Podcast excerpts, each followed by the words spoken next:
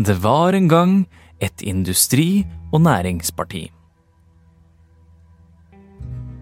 Eller, det er jo fortsatt ett parti, men nå er det kommet et annet parti også, så to partier.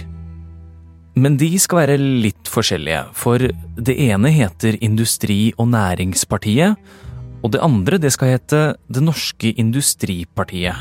Kanskje. Om de får lov. Forvirret? Ja, det var vi også da vi startet med arbeidet på denne episoden. Du hører på Forklart fra Aftenposten, en podkast der vi forklarer én nyhet i hver episode. I dag om kaoset og splittelsen i Industri- og Næringspartiet, som inntil nylig ble ledet av en mann ved navn Ove. Det er torsdag 1. februar, og mitt navn er Philip A. Johannesborg.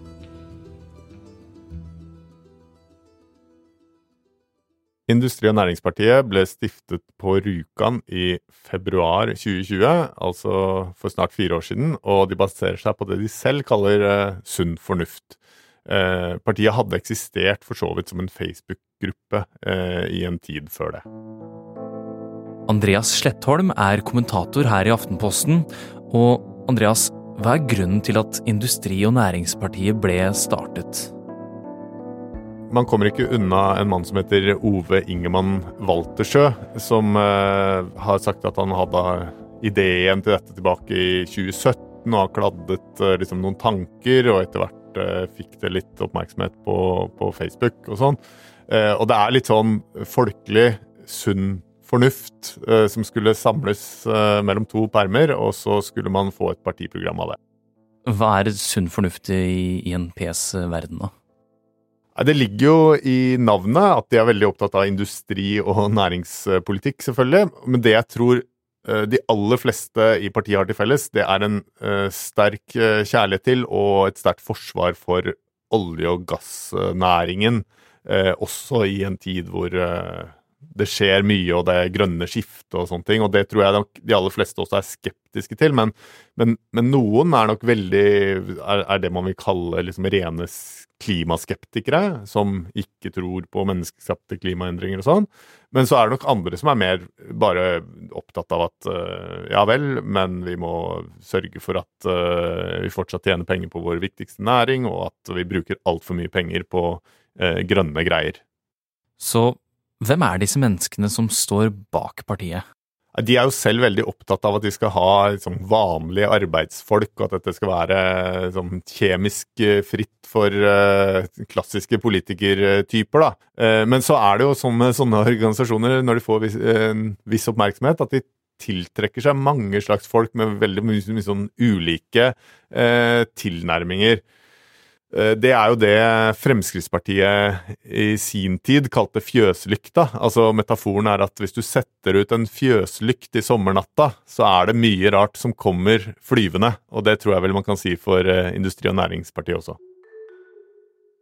Og i løpet av våren i fjor slo de sakte, men sikkert gjennom på meningsmålingene. I juni ville de fått ett mandat på Stortinget hvis det da var valg. Dessuten tok partiet velgere fra både Fremskrittspartiet og fra Senterpartiet, og spesielt var det menn i 50-årene fra Vestlandet og Nord-Norge som var begeistret. Pluss en del protestvelgere.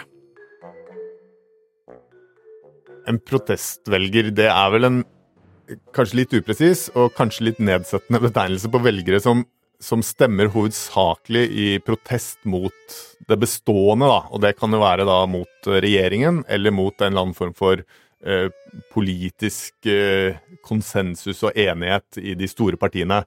Eh, og så er det sånn at De aller fleste partier var jo protestpartier en gang. Du har eh, Senterpartiet og distriktspolitikken, innvandringspolitikken og Fremskrittspartiet. Bompengepartiet som eh, hadde en periode i 2019. Og så er det kanskje energipolitikken som Industri- og Næringspartiet først og fremst har tjent velgere på. Hvorfor gjorde de det så bra på energipolitikken? Nei, Det har jo vært eh, spesielle eh, tider, da, med veldig mye fokus og oppmerksomhet rundt eh, høye strømpriser og, og sånn. Og så er det jo en, en, svær omstilling som henger sammen med olje- og gassnæringen. Og så har du hatt dette med vindkraft, som har på en måte mobilisert lokaldemokrati og folk som er opptatt av å være natur og den type ting. sånn at de har jo klart å navigere og treffe ting som folk er engasjert i. Og dette ble en slags vinneroppskrift. INP vokste, riktignok med noen voksesmerter her og der, men akkurat de kommer vi tilbake til. For under valgnatten i fjor høst ble det ganske spennende å følge oppslutningen til INP. Til slutt så sto de der med 90 000 velgere og 3% oppslutning. I tillegg hadde hele 115 kommuner fått IMP-representanter inn i sine kommunestyrer. I høstens valg så ble det jo større enn Venstre og MDG og Rødt, i hvert fall i fylkestingsvalget, da, og de kom på vippen flere plasser. Så hadde jo enkeltkommuner hvor de fikk opp mot 30 eh, så dette er et eh, stort eh, gjennombrudd for et helt ferskt parti. Til og med meningsmålingene etter valget ga Industri- og Næringspartiet gode skussmål. Men så begynte voksesmerten i partiet virkelig å gjøre vondt. For fredag var det et dramatisk møte i Industri- og Næringspartiet. Ove Ingemann Waltersjø fra Porsgrunn går av. Og nå puster en ny konkurrent INP i nakken, nemlig et parti startet av deres egen leder.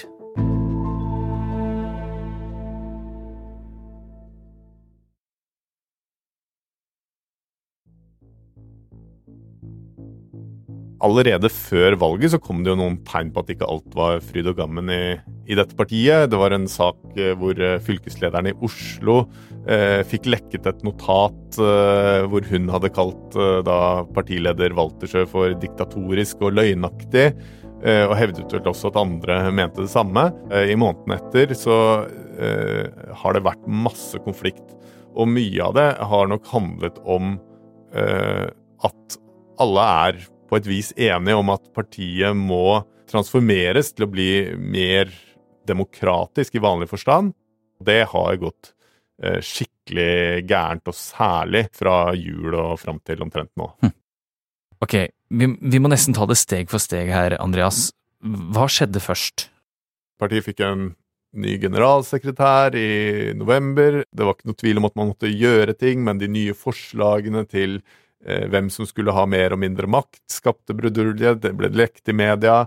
Eh, på et tidspunkt så ble det påstått at lederen Walter Sjø skulle ta en pause i noen måneder. Eh, og så var det noen saker om en mulig ny lederkandidat, Kjell Erik Eilertsen, som, som oppfattes som ganske langt til høyre i dette landskapet hvor Industri- Næringspartiet opererer.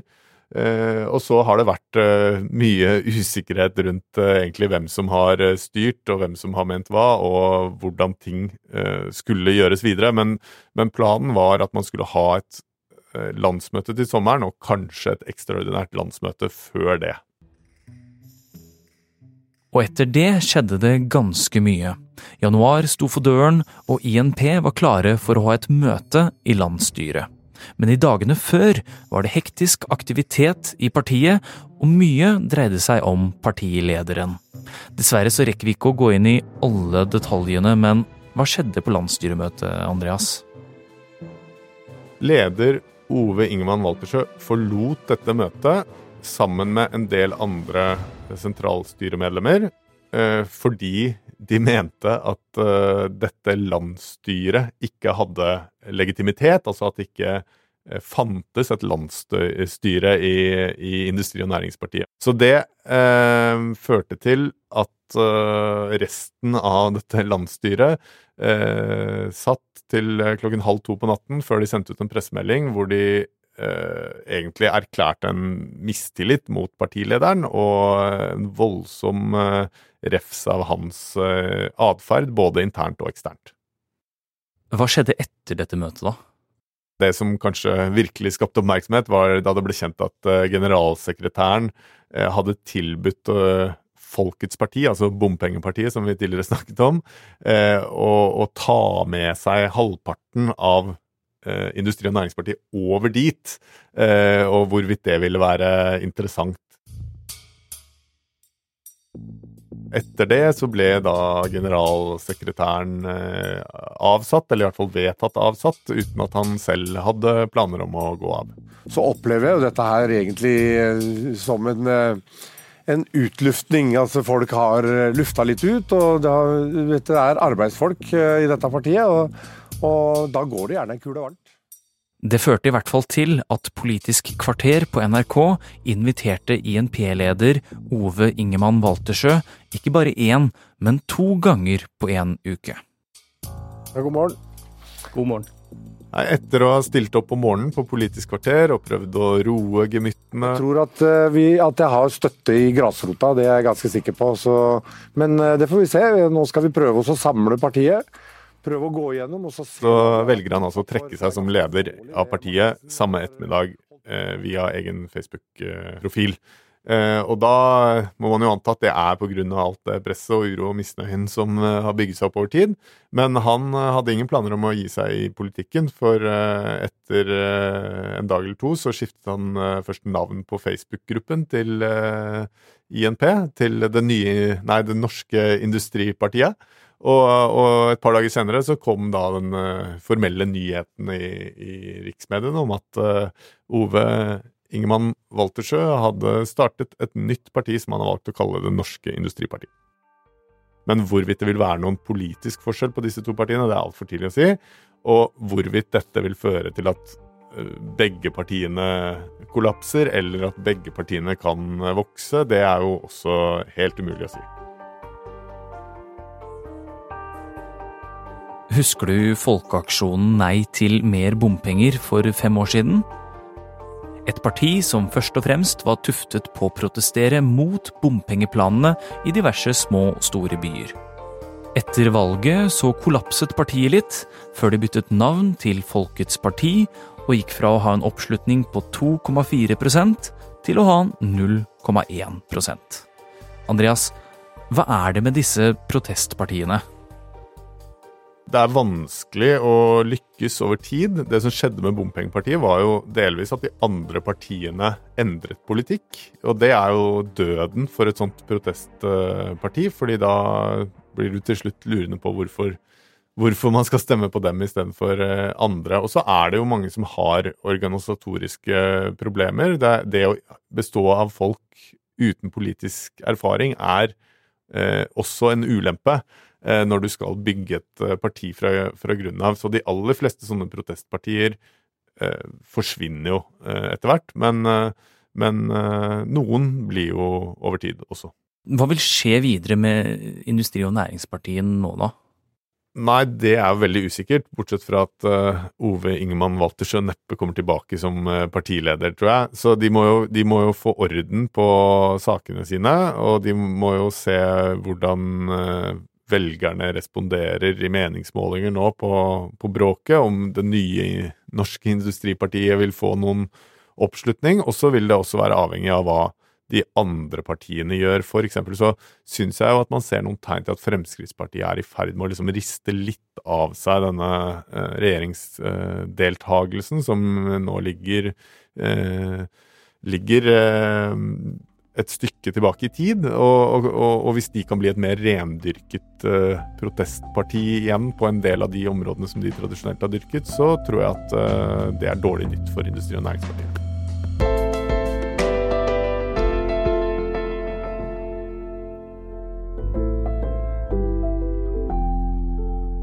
Du har hørt en podkast fra Aftenposten. Det var kommentator Andreas Slettholm som tok deg gjennom historien til Industri- og Næringspartiet. Lyden du har hørt, er hentet fra NRK.